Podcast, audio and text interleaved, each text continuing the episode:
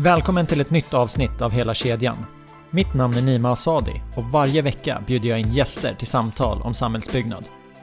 Kontaktuppgifter till mig hittar ni i avsnittsbeskrivningen samt på www.hela-kedjan.se.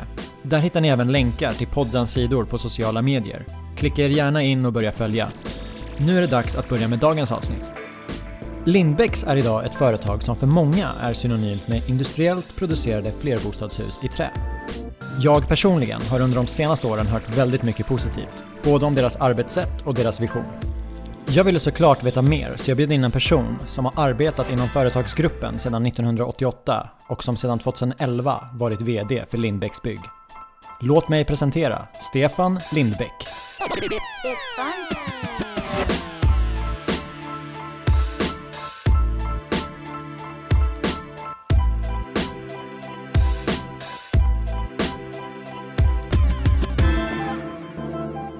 Varmt välkommen till podden, Stefan Lindbäck. Tack så mycket. VD på Lindbäcks bygg. Företaget bär ditt namn. Eller är det du som bär företagets namn? Mm. Hur säger man? Nej, eh, jag har äran att få bära det namnet eh, som eh, både mitt efternamn men även vårt företags varumärke. Du har äran att bära namnet. Har det varit självklart för dig att du ska börja jobba på det här företaget?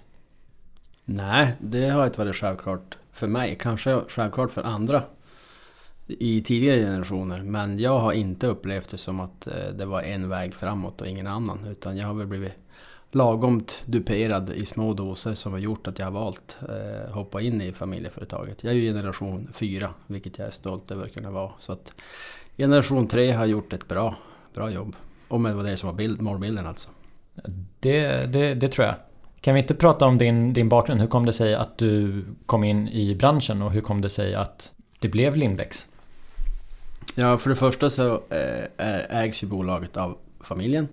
Eh, jag eh, följde med min far på byggplatser när jag var liten och lärde mig förstå, eller förstå, inse att byggen är någonting som skapar liv, skapar rörelse, skapar reaktioner, skapar relationer och skapar Eh, utrymme för människor att växa. Och jag fattade väl ganska tidigt att det är ett ganska tekniskt jobb och jag var intresserad av teknik. Eh, jag läste fyraårig teknisk med bygginriktning och gjorde lumpen och efter det så eh, erbjöds jag plats, plats som eh, biträdande arbetsledare på byggplats. Och lärde mig hur eh, villkoren för att få bra byggen eh, till stånd eh, var.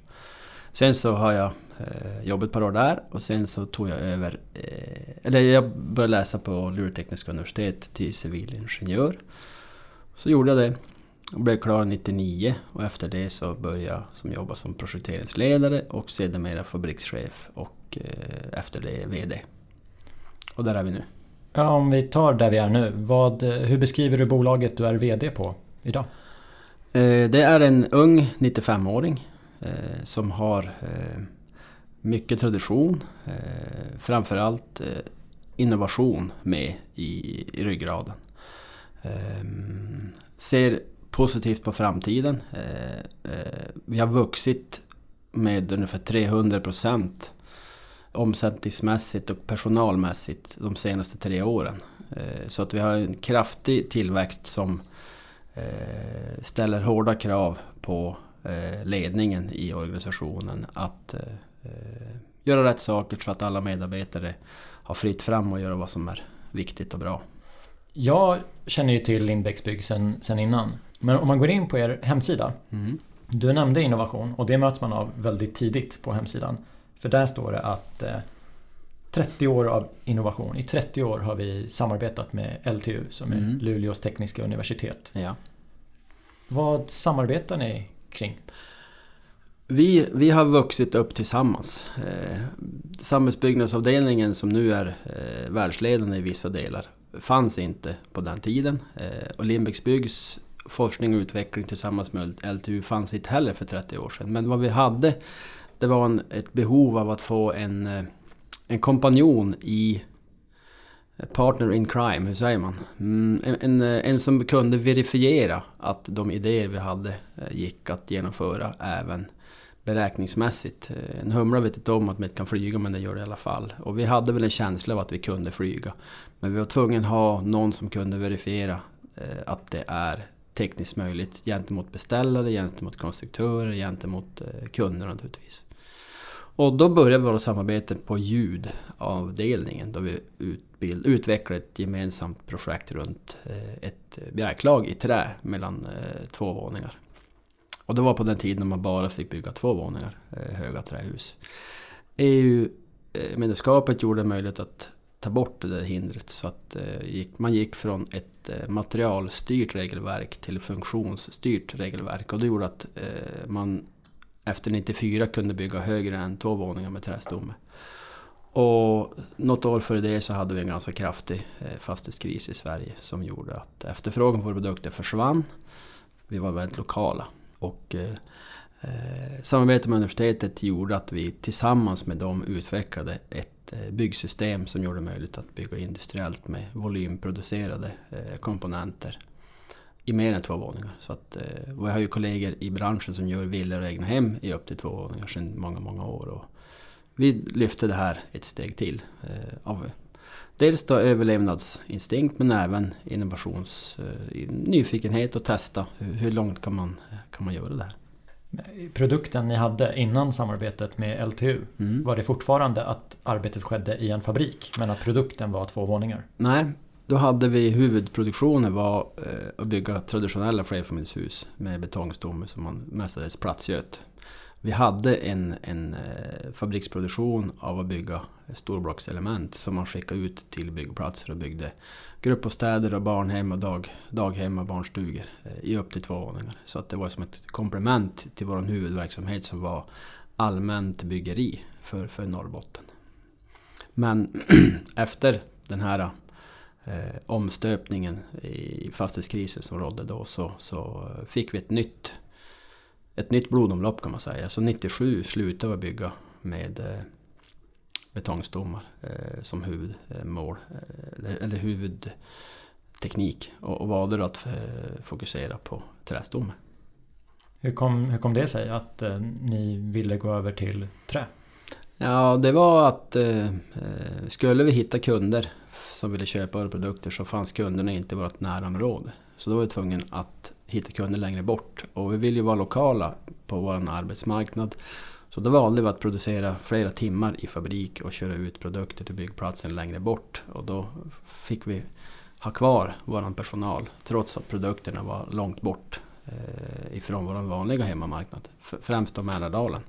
Där det fortfarande fanns behov av eh, våra produkter.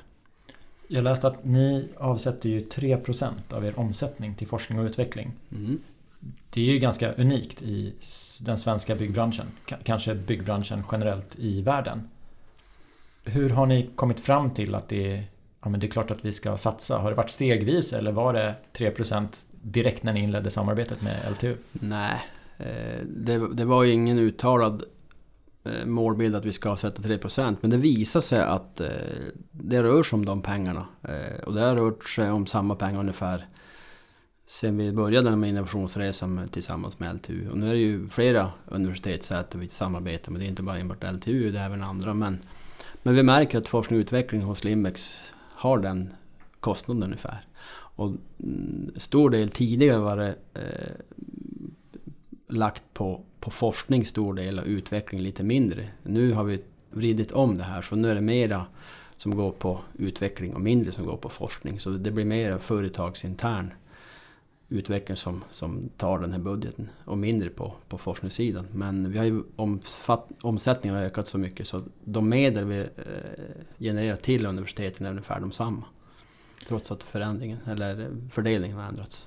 Ja, det har vi pratat om i poddserien. Skillnaden mellan forskning och utveckling. Vissa, du skiljer ju på det i alla fall nu när mm. du pratar om det. Det är inte alla som gör. Nej. Så att man kallar det forskning och utveckling men all, alla pengar är på utveckling. Mm. Så det är ändå positivt att du tar upp att ja, men, det är olika saker. Det är olika saker. Mm. En sak som jag tänker mig att ni har jobbat med under de här 30 åren i alla fall. Det är ju ert arbete med lean. Mm. Vad, vad är lean för dig och hur har det utvecklats under din tid på Lindbäcks? Har du några konkreta exempel? Att vi finns. Ett bra exempel. Jättebra svar. Ja. Nej, det är ju, det är ju långsiktig överlevnad är helt avgörande. Att vi har principer som, eh, som, som gäller för alla. Eh, och att eh, principen hela tiden att bli bättre och bättre och bättre.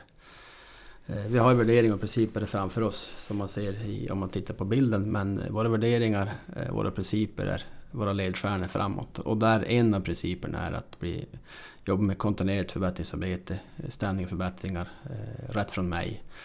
Och det är vanliga linprinciper som vi har utvecklat till, eh, till våra egna. Eh, så att vi är helt eh, linifierade kan man säga. Men samtidigt så finns det inget annat. Det, det är eh, one way och det är vårt sätt att, eh, att, att jobba. Och exemplen är ju någonstans att eh, vi har massa metoder som vi använder oss av. Som Eh, en, en metod som vi kallar för daglig styrning, det är ingen, eh, inget ovanligt. Det är många byggbolag och många fordonstillverkare och även andra eh, organisationer som jobbar med det arbetssättet. Och det är för att fånga upp allt som händer, att man gör rätt saker, att man lägger tryck på förbättringsarbetet där det gör mest nytta och, ehm, och så. En sak som jag har hört, som jag tänkte kolla med dig nu när du sitter där. Du, har ju, du är ju VD på Lindbäcksbygg, så du borde veta. Vi har hört att när man har en fabrik och tar fram eh, byggdelar i trä så kan man läsa in en modell i maskinen och ut på andra sidan kommer en färdig produkt med millimeterprecision. Är vi där? Ja och nej.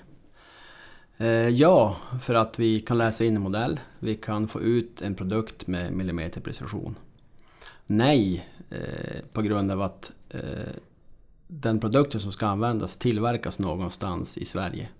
Det kan vara ett fönster, det kan vara en regel eller det kan vara en skiva eller någonting. Och den produkten har fortfarande dels ett eget liv för att den är gjord av ett organiskt material och dels en fabriksprocess som i sig innehåller för mycket, eller toleranser som vi inte har lärt oss att arbeta med. Vi, vi måste bli bättre på att använda oss av eh, vassare toleranskrav. Eh, byggbranschen är ju förknippad med tumstock som tolerans och det gör att vi vill ha millimeterprecision. Och det kostar otroligt mycket att få eh, ett sågverk till att ändra sina eh, toleranser. Till exempel så använder vi idag en tolerans som heter plus 0 minus 2 millimeter på en längd på en regel. Eh, och det räcker inte. Det är, det är för eh, det är för grova toleranser. Vi måste gå ännu längre ner. Och vilka sågverk kan leverera så hög precision på sina komponenter? Och likadant gipsskivor till exempel. Eh, då vi lägger ut våra gipsskivor på våra element så eh, finns det buktighetsmått på kanterna. Om du föreställer dig en kartong som avviker för att bygga runt gipsskivan. Om, om den sväller ut lite grann på kanterna, den är inte precis 90 grader, så måttet på gipsskivan är 1200,3 eller 1999, eller 119,9,4 eh, så blir de här måtten väldigt... Eh, det får stora konsekvenser och de bygger på varandra. Eh, och, och, så det går inte att säga att man får ut en, en, en modell i, i enlighet 1 till 1 där man tänker då man sätter in en modell i början. Ännu. Men vi tränar och vi jobbar, en av våra principer är att jobba tillsammans med leverantörer. Så att vi tränar dem till att komma till en ny nivå som är bättre. Och då är vi en jobbig kund. Som, i, som med fel leverantör så måste vi nog avbryta samarbetena för att vi, vi kan inte resa tillsammans.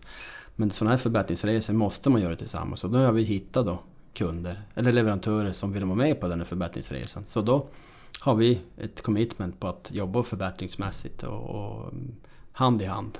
Eh, och då måste man ha förtroende och man måste ha tillit.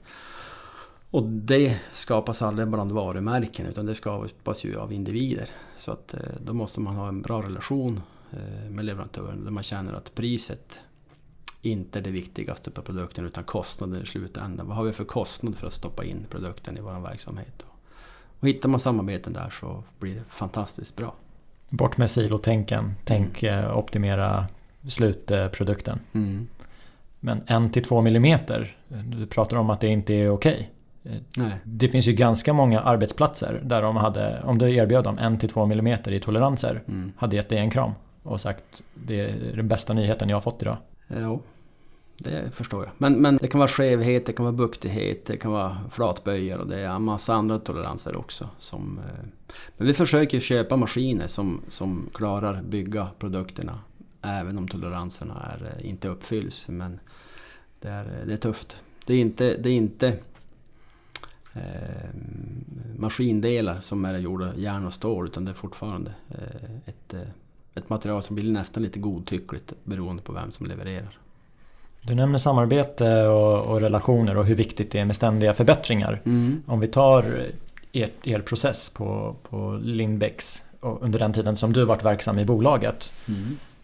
Flaskhalsarna du ser idag, vilka, vilka är de? Det beror på vilket, vilket perspektiv vi ska ta. Men om man ser flaskhalsarna i Lindbäcks bygg just nu så är det att eh, komma upp i tillräckligt hög fart eh, på en av våra fabriker. Och eh, idag har vi en produktionstakt i det vi kallar superfabriken ute på Harreholmen på 13 volymer per dag. Och där vi kör ett skift, 8 timmar. Att gå från 12 volymer per dag till 13 volymer per dag, eh, det var eh, inte walk in the park, men förhållandevis eh, eh, naturligtvis jobbigt men inte omöjligt. Men det går från 13 volymer till 14 är nästan omöjligt. Vi, vi stöter på så fruktansvärt mycket problem. Om ni ser filosofin med kinesiska sjön. Nu har vi sänkt nivån och kör på grund hela tiden. Och många gånger tror ju många att det, är, att det är människan som är problemet, eller maskinen. Eller materialet, eller metoderna. Och det är precis så det är. Det är en blandning av alla fyra M. Människa, material, maskin, metod. Förut så kanske man fokuserar på en sak, men det är helheten av alla de här fyra. Så flaskhalsarna flyttar runt beroende på eh, många olika saker. Så att det är att jobba med de här fyra M och jobba med stopptidsuppföljning och följa upp alla stopptider. Vad grundar de sig på? Och summera varenda dag, hela tiden, varenda gång man har ett stopp. Vad, vad är grundorsaken till felet? Och träna så att man får bort det så att man hela tiden ökar tillgängligheten på, på eh, fabriksinvesteringen. För en person som aldrig har varit i superfabriken mm. Jag har ingen aning om hur, det ser ut men de här stoppen du nämner mm. Kan det vara så att det kan vara samma anledning som dyker upp flera gånger? Eller? Ja, absolut. I, i, idag är det så. För att vi eh, har inte tillräckligt stabila förbättringsprocesser. Eh, som gör att vi arbetar bort det. Till exempel har vi för långa ledtider. Eh, om vi ser ett fel på en handling så handlingen grundar sig ju som underlag för ett inköp som i sin tur tas om hand av logistik som i sin tur används av produktion. Eh, om handlingen är felaktig och vi har material som är fel i produktion så är det många steg. Det kan vara flera veckor däremellan. Och vi måste få igång ett mycket, mycket vassare eh, system för att fånga upp eh, saker som inte fungerar. Och det känns som att vi har en helt... Då vi jobbade i vår tidigare fabrik, där var det här takten så pass mycket lägre. Så då hann vi med att fånga upp de här sakerna. Men nu går det så fruktansvärt fort att vi... Det finns inte utrymme att eh, förbättra det här. Det, det krävs 100% eh, vid, eh, vid varje överlämning och det, det är ehm, tufft att jobba med det, men det, det är det enda sättet framåt. Men att gå från 12 volymer till 13, det var mm. inte en walk in the park, men ni lyckades Inte riktigt, men, men, men nästan. Ja. Och det var fyra M som var mm. inblandade mm. i att det var möjligt. Mm. Går det att förklara på ett annat sätt än att nej men det var lite små förändringar i de här fyra M? Går det att ge konkreta exempel? Mm. Att, ja, men exempelvis det här, det här, det här, det här. Jag kan ta upp några exempel som visar på delar som inte eh, funkar. Och till exempel så har vi ett, eh, ett moment där vi sätter in ett fönster. Eh, fönstret ska sitta på ett visst djup i väggen. Och för att kunna göra det så krävs det att man har projekterat fönstret på ett speciellt sätt så att leverantören förstår var fönstret ska sitta. Och då betyder var någonstans kommer hålen i karmen så att det kan sitta i stommen. Men om hålen på den här karmen sitter på ett ställe där vi inte har någon stomme för att vi till exempel ska ha en korsreglad stomme. Då ska, då ska man skruva karmskruvarna i luften mm. för att vi bygger den vägdelen senare i flödet. Och eh, det orsakar ju väldigt stora konsekvenser produktionsmässigt då det här uppdagas. Och fönsterleveranstider är oftast 10, 8-10 veckor. Och då man såg det här i ett sent skede så är ju så mycket redan beställt och så mycket redan beslutat att det är jobbigt läge. Så då får man ju anpassa saker och det är jobbigt. Ett annat exempel är till exempel att vi bygger hus som är högre nu än vad vi kunde tidigare. Det innebär att vi måste stoppa in förstyvningskomponenter. Idag använder vi KL-trä, korslimmat trä. De sätter vi in i vissa komponenter så att eh, vi kan bygga åtta våningar utan att husen eh, känns obehagliga att bo i. Då vi stoppar in sådana där eh, KL-träkomponenter i våran line så blir varje vägg tyngre. Och det innebär att de är tyngre än vad vi hade tänkt då vi designade maskinen. Så att maskinen orkar inte flytta väggar i våran ytbehandlingsanläggning. Så det måste vi bygga om nu i sommar. Eh, och då, för att vi fortfarande ska kunna producera så krävs det att folk knuffar de här väggarna i våran ytbehandlingsanläggning. Och det är ja, en säkerhetsrisk och det tar lång tid. Eh, och sånt visste vi eh, då vi designade fabriken från början. Ja, det är väldigt konkret och tack för att du delar med dig. Mm. Det här första exemplet med, med fönster och mm. karmhål. Vad leder det till? En tydligare projekteringsanvisning eller hur kommer Exakt. man att beakta med det? Ja, det är tydligare hur vi vill ha det. Förut hade vi inget problem med det för då satte vi fönstret alltid på samma ställe. Nu har vi större frihetsgrader och då händer det saker. Jag är en jättesupporter, vissa kallar mig nörd när det kommer till mätetal. Jag är jätteintresserad av hur, hur ni, vilka mätetal ni följer upp och hur det skiljer sig mellan fabriken och arbetsplatsen. Vi har redan hört om volymer, det är ett jättebra mätetal. Mm. Vad kollar ni mer på för mm. intressanta faktorer? Om vi, om vi håller oss till i början i fabriken mm. så använder vi oss av timmar per volym. Hur många arbetstimmar vi lägger i varje volym. och det är en korrelation mellan den kalkylerade tiden och utfallet. Och ska utfallet vara i balans, eller ska vi tjäna de pengar vi behöver så ska utfallet vara i balans med kalkylen. Eh, och det är ett nyckeltal. Och det andra är nyckeltalet eh, volymer per dag. Eh, då är det hur många eh, sådana här volymer vi eh, producerar per dag. Andra nyckeltal är takttid. Eh, och idag har vi 40 minuters takttid. Det betyder att vi flyttar fram våra komponenter var 40 minut i huvudflödet. Och där är målbilden 30 minuter. Så att kör vi 30 minuters takttid då har vi en produktionskapacitet av 16 volymer per dag. Och det är det som är superfabrikens eh, målbild. Och det var, antar jag, någonting som ni tog fram innan ni beslutade er för att yes. bygga superfabriken? Ja, det var en av de tio kravspecifikationerna vi, vi satte. Och hur har det gått? Ni, ni satte ju, vad sa du, 10 kravspecifikationer. Mm. Ja, ni, hur många har ni uppfyllt i dagsläget? Ingen, ska jag vilja påstå. Eh, men vi, vi, eh, vi är nära. Men ingen har vi eh, uppfyllt fullt eftersom vi idag inte har den kapacitet vi har designat anläggningen för. Men vi tror att vi kommer, att kom, vi kommer att komma upp till den kapacitet vi har designat i slutet av nästa år. Så att det är fortfarande ett och ett halvt år kvar innan vi är i full, full eh, fart. Så kapacitet, det är ju någonting som skiljer Superfabriken från tidigare fabriker. Du mm. nämnde också att ni kunde leverera högre element. Mm, vi, kan bygga, vi kan bygga komponenter som är större än i den gamla fabriken. Så vi kan göra längre volymer. Inte högre. Längre. Men, men längre volymer. Så att vi får större yta eh, per volym. Vad finns det mer för skillnader? Jag tänker med automatisering till exempel? Komponent eller produkten. Man ser ingen skillnad i produkten. Det spelar ingen roll vilken fabrik som vi tillverkar eh, sakerna i. Vi gör idag till exempel samma projekt tillverkas i båda fabrikerna. Så att vi gör ingen skillnad så. Eh, däremot så är automationsgraden väsentligt högre eh, i eh, den nya fabriken. Och det gör vi för att minimera påverkan på individen så att man inte slits ut så mycket och att samtidigt gör vi möjligt för även tjejer som inte representerar normen i byggbranschen att söka sig till oss så att de känner att det inte är en muskelfråga utan det är en hjärnfråga. Ni har ju faktiskt vunnit ett pris för byggandet av er nya superfabrik. Det är det stora byggpriset 2018. Mm. Grattis! Tack!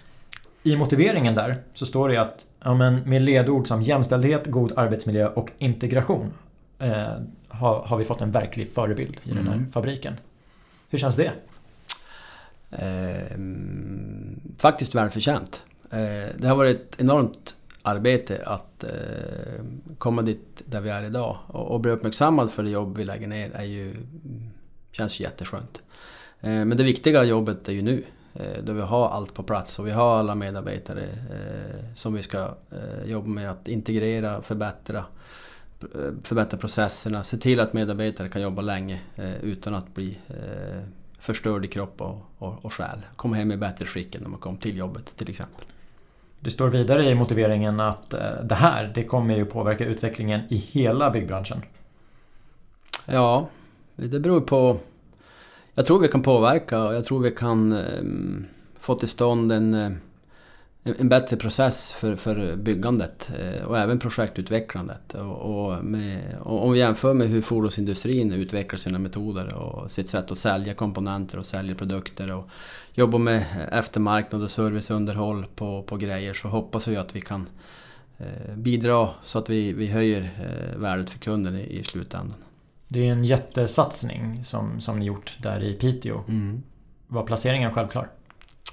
Placeringen var inte helt självklar utan vi hade tidigt sagt att vi skulle vara närmare vår södra eh, landsända på grund av att vi har en expanderande marknad i södra Mälardalen, Västsverige och även Öresundsregionen. Så Värnamo var den tänkta eh, platsen. Men eh, vi, vi beslutade oss till slut att lägga fabriken i norr. Då var det Skellefteå, Piteå eller Luleå som var på tapeten och vi lät de tre kommunerna kämpa med de bästa eh, villkoren och eh, då drog Piteå kommun det längsta strået. Eh, så därför etablerade vi oss ute vid hamnen i, i Piteå. Jag trodde att du skulle nämna transporter som flaskhals. Och det har ju lite att göra med vart man har sin fabrik. Mm. Men transporter, det är ingen flaskhals eller? Nej, inte, inte direkt. Vi har ju hittat flera alternativ till transport. Så nu använder vi oss av mest naturligtvis eh, lastbil, men till stor del även sjöfart. Eh, och det har vi gjort eh, av miljöhänseende och även att vi vill minska belastningen på våra, på våra vägar i form av bredder, att man är i vägen och risk för olyckor och så vidare.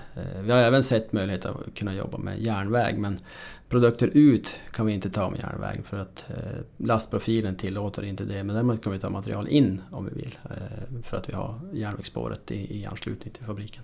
Det finns ju en del begränsningar när man eh, kör transporter på vägnätet. Bredd, höjd, vikt. Mm. Vad är det som begränsar er? Eh, vikt begränsar oss inte, men främst, eh, främst bredd. Eh, höjd kan man alltid köra någon omväg och sådär. Och längden, det, det går alltid att lösa. Men, men bredden är avgörande och det påverkar oss väldigt mycket. Speciellt så är det ju på tapet att man ska ändra ett annat eh, tillgänglighetskrav för hur, hur, breda sovrum ska vara. Och nu pratar man om att öka från 370 till 390. Och det påverkar ju oss otroligt mycket eh, hur, hur, breda transporter vi kan göra. Eh, så att eh, det, det, hoppas vi verkligen att man drar tillbaka den, det förslaget. Du har säkert ofta fått höra att eh, ja, men om ni monterar isär byggdelarna då blir det inte lika brett. Vad är svaret på den? Men om man säger så, då ser man inte hela eh, flödet. Vi, vi lägger idag ungefär 80% av arbetstiden i ett projekt i fabrik och 20% ute på, på fält. Och eh, att lägga så stor del av arbetstiden i kontrollerade former i en fabriksmiljö som där det aldrig regnar. Du vet alltid var du har dina verktyg, du vet var du har din boda, du har gjort eh, ergonomiska möjligheter gör att du kan få medarbetare att jobba länge på organisationen utan att du blir eh, eh, förstörd i kroppen. Samhällsmässigt så är det ju hållbarhet som heter duga, ur vårt sätt att se på det. Så att istället för att se den här luften vi transporterar så ser man ju värdet av det vi, placerar, det vi transporterar. Så att det ekonomiska värdet och det eh, emotionella intryckta värdet, att folk har lagt ner kärlek och energi och glöd i produkten, eh, gör ju att eh, det blir värt, eh, absolut. Det är ganska, det är dyra luft, eh, det är dyr, det är dyr, det är dyr luft vi skickar men det är värt mycket. Ja, vi pratade ju om mätetal i fabriken. Det kändes mm. ju som att ja, men de, du har ju dem i ryggmärgen och mm. vet exakt hur vi ligger till och vart vi ska. Mm. 20% av arbetet så har det utförs ute på arbetsplatsen. Mm. Vad kollar ni på där? Där använder vi oss av mätetalare som är traditionella, det är volymtider. Eh, hur många timmar per kubikmeter eh, produkt vi lägger ner på plats. Eh, och det är från överkant dräneringsgrus om vi gör grunden själv. Eller så är det från överkant eh, grundplatta som är entreprenadgräns och så sen till överkant eh, lösöljsisolering. Däremellan mäter vi hur många kubikmeter det är och hur många tid, timmar vi har lagt ner på fält. Och de är ju lite olika beroende på vilken typ av produkt det är och hur många våningar det är men det är ett nyckeltal vi använder. Ja, för hur skiljer sig era projekt? Eh, är det olika anslutningar? Är det att ni måste bygga ställning i vissa projekt? Hur, hur kan Lindbäcks arbetsplatser skilja sig i förutsättningar? De skiljer sig åt ganska mycket. Det, det är hyfsat traditionella byggplatser för, fram till det att vi monterar. Eh, men förutsättningen vi sätter upp är att vi har grund på plats och på grunden så bygger vi ett yttertak i ett stort element som vi delar upp i, i mindre element. Så att då man monterar så lyfter man undan takelementen och ställer på volymerna eh, och så sen avslutar man dagen med att lyfta på eh, taket. Då har man ett, en klimatskärm som är klar. Och, så vi kan inte montera under nederbörd så att vi gör inga tält eller så. Och efter taken är på plats så är det lite beroende på vilken typ av fasadmaterial kunden har valt. Om, om det är puts och tegel eller skivor så brukar vi resa upp en ställning runt om. Är det panel så gör vi den färdig i fabrik och så kompletterar man från Skylift för att få färdigt. Ehm, och sen är det markjobb och eh, färdigställning mellan eh, alla volymskarvar och trapphus, göra invändigt och snitsa till så att det blir eh, snyggt och prydligt och kan lämna över till kunden. Om vi tar ett projekt där det är paneler som mm. Eh, fasad mm. och det är sex våningar, 400 kvadrat eh, brutto area per plan. Mm. Från att ni kommer till en grusad yta, hur lång tid tar det innan ni kan lämna nyckeln till kunden? Ja, från det att vi inte börjar så är det väl kanske ett halvår ungefär. Eh, det var ett ganska idealt projekt du målade upp. 10 lägenheter per våning och 60 lägenheter och det är väl ungefär den tiden det tar. Ja, men det är inte alla som kan locka med den byggtiden. Nej, men det gäller att ha en affärsmodell som attraherar. Där kunden bereds möjlighet att använda den tiden på ett klokt sätt. Så att man drar... Eh, så att vi underlättar för kundens process i slutändan. Det är, det är många som eh, kanske värdesätter sin egen process först. Men det gäller någonstans att hitta vad är det för behov som kunden har och att vi eh, tillmötesgår dem med, med det behovet. Er egen process då, i fabriken? Där tänker jag att det är er egen personal som jobbar. Mm. Eventuellt att ni hyr in folk för att täcka toppar. Mm. Ute på arbetsplatserna, har ni egen personal som monterar där med eller är det mer samarbeten med entreprenörer? Där har vi både och faktiskt. Eh, arbetsledningen är vår egen. Eh, platsledningen vår egen. Eh, och eh, mestadels så är det egna resurser. Eller då samarbete med egna firmor som vi har långa samarbeten med, långa avtal. Så de jobbar tillsammans med oss med, våra, med ID06 och våra arbetskläder men de har egna firmor. Men vi strävar efter att försöka få dem till att bli anställda av Lindbäck så vi blir, blir Lindbäckare av Ja, det jag tänkte, hur har det förändrats? Du nämnde 300 procent mm ökning på tre år. Mm. Hur, har, hur speglas det ute på arbetsplatserna? Jobbar ni med fler samarbetspartner nu jämfört med det, det gör vi. Men av våra egna anställda så har antalet anställda ökat med, med de siffrorna. Sen har vi utöver våra egna anställda även eh, inhyrda underentreprenörer som vi, som vi samarbetar med. Då kommer vi in på eh, en väldigt spännande organisatorisk fråga. Mm. För när man är i en sån extrem tillväxt, vad är viktigt att hålla koll på? Kvaliteten för kunden. Eh, att ha koll på att kundens förväntningar uppfylls. Och det är inte så lätt i en tillväxande i tillväxtfas. För vi kan ha arbetsprocesser eller medarbetarprocesser som är stabila eh, för att man har eh, jobbat på ett visst sätt med viss bemanning och viss kompetens. Och kommer det in massa nya medarbetare som, som vill mycket, kan mycket men kanske är ovana att jobba på vårt sätt så blir det ju lätt att eh, man kanske inte riktigt eh, utför saker på det sätt som alla andra gjort tidigare. Och det kan ju vara att vi inte har behövt sätta någon standard på det för att det har varit individer som är kompetenta och skickliga som har gjort det. Utan det krävs då att vi sätter arbetssätt på standard. Hur ska vi göra saker? Så att man kommer överens om hur gränssnitten ska se ut.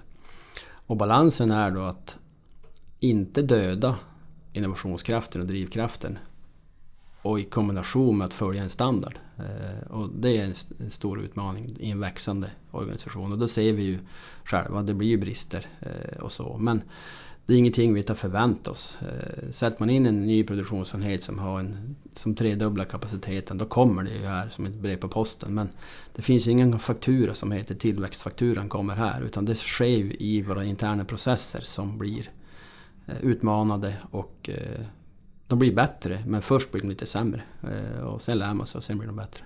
Du nämnde att man har ju haft kloka personer som har jobbat, som vet hur, hur man gör. Det kanske inte alltid varit nedskrivet. Sen så börjar det en massa nya. Och då kanske man måste ha det nedskrivet som en standard. Hur har det varit när ni har infört standarder och kanske blivit lite hårdare på att nej men läs igenom det här.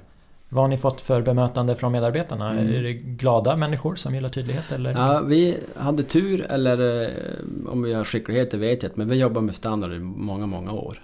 Långt före vi startade vår tillväxtkurva. Så en del av det är ju vårt linarbete.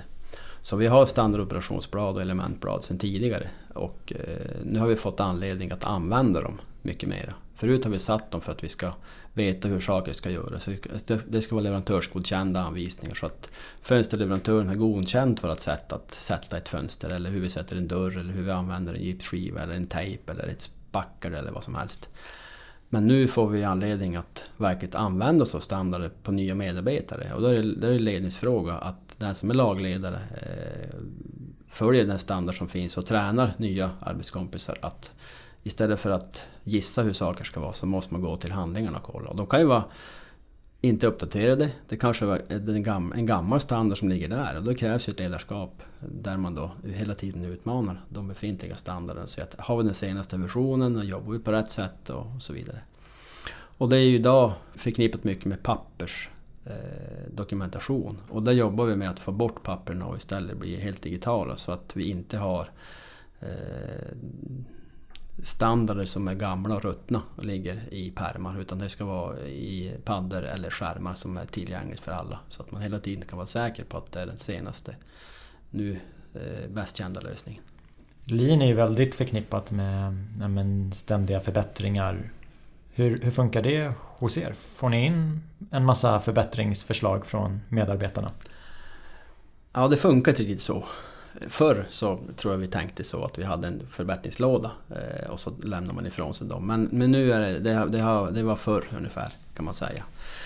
Nu jobbar vi på ett annat sätt där vi eh, förbättringar eh, och eh, eh, är ett, en vardag. Eh, det, det, är ingen, det är ingen, ingen konstighet utan det är hela tiden eh, ett, ett närvarande väsen som man, man, tänker, hur kan jag göra det här bättre nästa gång? Hur kan jag lyfta det här? Och då är det återigen ledarskapet på plats som avgör hur lyckosam man blir eller ej. Efterfrågar man inte förbättringar då, då blir det inte så mycket, då är det mer som förr. Men har vi ledare som efterfrågar och coacher och tränare och... Jag menar Carolina Klüft blivit bättre av sig själv. Hon hade förmodligen en bra coach som gjorde att hon fattade eh, avstegsplankan och höjdhoppet och kulan. Hur ska jag hålla? Det är samma sak i vårt spel och det har inte så mycket med fabriksproduktion utan det är ju alla led i hela organisationen, samtliga funktioner. Det krävs ledare som är förebilder och föregår med gott exempel och efterfrågar. Och framförallt min roll som VD, att inte gå ut på byggplatsen utan att ta på mig hjälmen. Att inte gå ut på eh, utanför spärrlinjer och hela tiden nöta och efterfråga och, och, det är ett tufft jobb eh, och det är inte gjort i en handvändning men det är enda sättet att, att eh, komma framåt. Förutom eh, lean så pratas det ju väldigt mycket om hållbarhet i branschen nu. Hur jobbar ni med hållbarhet på, på Lindbäcks? Hållbarhet är ett ord som många gör sig bekant med på olika sätt. Man skaffar ofta sin egen definition på vad hållbarhet är. Och vi har valt att följa Brundtlandskommissionens definition på hållbarhet som fattades 87. Eh, och den handlar ju om tre cirklar. Hållbarhet ur socialt, ekonomiskt och ekologiskt eh, hänseende. Och där skriver man att eh, vi ska bete oss på ett, det är inte exakt ordagrant, men syftet är att vi ska bete oss på ett sätt som gör att nästa generation får göra vad de vill. Så vi tar snott möjligheten för alla att utvecklas. Och då ser ju vi hållbarhet ur ett antal perspektiv. Till exempel den mångfaldsfrågan, att vi ser till att samtliga hjärnor i vår organisation ska kunna arbeta, inte bara gubbar. eller eh, de som har jobbat, som vet hur slipstenar ska dras, som vet att man skinn på näsan och allt det där. Utan individer som vill som är smarta, som är kloka, som, är, som vill bli sedda, som vill um, påverka och som får möjlighet att påverka. Inte att, bara att man säger det, utan man får vara med, man blir integrerad. Det är en del. Men även det här materialet med trä. Och vi valde ju trä som stommaterial för en massa år sedan. Och vi tänkte väl inte jättemycket då på att det här var ett hållbart eh, val. Utan mer att ja, vi kan trä. Och det har gjort att vi har... Vi kanske skulle haft samma situation fast vi hade stålstommar. Eh, men nu råkar vi välja trä och det har vi ju sett att det är ju ett smart val. Sen så använder vi oss av solenergi för att producera våra hus. Eh, så vi är självförsörjande på el eh, i fabriken. Så vi täcker upp årsbehovet. Eh, vi köper tillbaka lite el på vintern men vi säljer överskottet på sommaren. Men över året så är vi, är vi noll på det. Och likadan uppvärmning. Vi har en granne som heter Sunpine som tillverkar tall, talldiesel. Och eh, de köper tallolja från pappersmassaindustrierna som kommer från cellulosa, från trä i sin tur. Och de har processöverskottsvärme så vi värmer lokaler då från trä också. Och så sen så har vi beslutat oss att stoppa in en lösullsanläggning i, våra väg, eh, i vår produktion så vi kan tillverka väggar med isolering av lösull som är cellulosabaserad eller träullsbaserad. Och då kan vi minska behovet av stenull och glasull och då påverkar ju väldigt mycket. Så nästa steg att fånga är gips. Eh, som vi, har, vi använder otroliga mängder gips. Och hur kan man hitta en gips som har mindre klimatpåverkan? Eh, eh, ja, ungefär så. Det var ett uppvaknande för mig nu när du sa att fabriken försörjer sig själv med hjälp av solceller. För jag har mm. alltid tänkt att fabriken, nej, men de drar alldeles för mycket energi så det, det kan inte täcka upp. Hur, vart ligger solcellerna? Är på det taket. bara på taket? På taket. Och det funkar? Ja. Borde fler borde ta efter. Jo. Stefan, när jag gjorde research inför det här avsnittet så snubblade jag över ett eh, filmklipp på dig. Där du säger en sak som jag tyckte... Ja, men jag gillade det. Det är att du vill att branschen ska börja jobba med kostnadsmedvetenhet på riktigt. Inte strypa kranen för att få upp priset hela tiden. Kan du utveckla vad du menar med det? Jättegärna. Eh, hur lång tid har vi på oss, höll på att säga. Nej, men Kör. Det, det, jag, det jag menar är att många säger att det är dyrt att bygga. Det kostar mycket att bygga hus. Eh, och så kan man ju gå till botten, varför det då? Eh, 25 år sedan så gick kanske 25 procent av disponibel inkomst till att bekosta boende. Eh, idag påstår jag att 50 procent går till att bekosta boende. Det kanske inte är så, men ungefär. Så det har skett en förändring. Att den här delaren, 25 procent, har gått till 50 procent. Eh, de där 75 procenten förr, de eh, använder sig för att bekosta allt annat som inte är boende. Eh, det är försäkringar, det är mat, det är resor, det är bensin och det är kläder och tv-abonnemang och gud och allt vad man behöver. Och så är det idag också. Man bekostar precis samma saker men eftersom den delen av kostnadsmassan är konkurrensutsatt på ett helt annat sätt än vad kostnaden för att bo är så har ju konkurrensen gjort att de eh, effekterna effekten har blivit att folk har råd att lägga mer pengar för att bekosta sitt boende för att det andra har blivit billigare.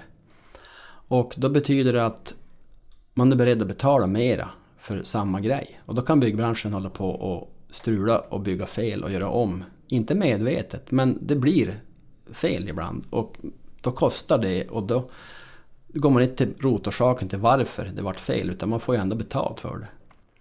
Och då blir det ju en karusell som är eh, sån att den dagen efterfrågan kommer i balans med tillgången då eh, börjar man ju känna någonstans som, som byggare eller projektutvecklare att nu, nu tjänar vi tillräckligt med pengar. Nu måste vi göra någonting. Och då vill man antingen hitta sätt att sänka sina kostnader eller få någon att betala mer. Och då utbudet är i balans, då vill ju inte folk betala mer. För då kan man gå till en konkurrent och då händer ju det som jag tycker ska vara Eh, i verkligheten och då får man ju riktig konkurrens. Idag är det många projektutvecklare som även är byggare, som även är markägare. Och eh, om man har några sådana stora eh, drakar i ett givet område, då blir det någon sorts av eh, Eh, Eh, man styr ju tillgången lite grann efter vad man tycker själv. Eh, och då kan man ju strypa projekt om inte man får tillräckligt betalt istället för att jaga kostnader. Eh, och så kan det ju hända om man har många individer på hyllan som man kan komma och gå som är underentreprenörer och man har inte den kostnaden själv. Och jag tycker att man ska man kan göra så mycket bättre. Det går att åstadkomma ett lägre Eh, en lägre kostnad och tycker att man ska se till att det kommer till de som har de behoven. Idag så har vi ju affärsmodeller som gör att kommer man ut med en produkt som har lägre pris, då är det den som köper och säljer och gör en provision, eller gör en, en, en sorts mm, eh, en vinst på, på den spekulationen. Och det är ju inte riktigt där effekten skulle komma.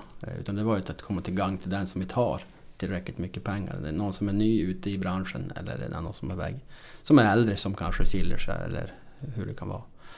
Så att, ehm, eh, och den där, eh, tycker som hygienfaktor som samhällsbyggare att mm, göra någonting och vi försöker bidra så mycket vi bara kan i, i bostäder för flera. Och då då får man vara beredd att jobba lite för det. Är för, lätt, det är för lätt tycker jag bara att skruva av kranen. Och vi har ju en fabrik som tuffare går, vi kan inte stänga av kranen. Vi måste effektivisera, vi måste vara på löpbandet den dagen efterfrågan sjunker. Och då måste vi kunna hålla en prisbild som, är, som sjunker. Och då gör det att vi eh, tvingas bli bättre och tvingas eh, vara på alerten. Sen då konjunkturen vänder, då har vi ju hittat en kostnadsbild som är lägre och då tjänar vi pengar igen.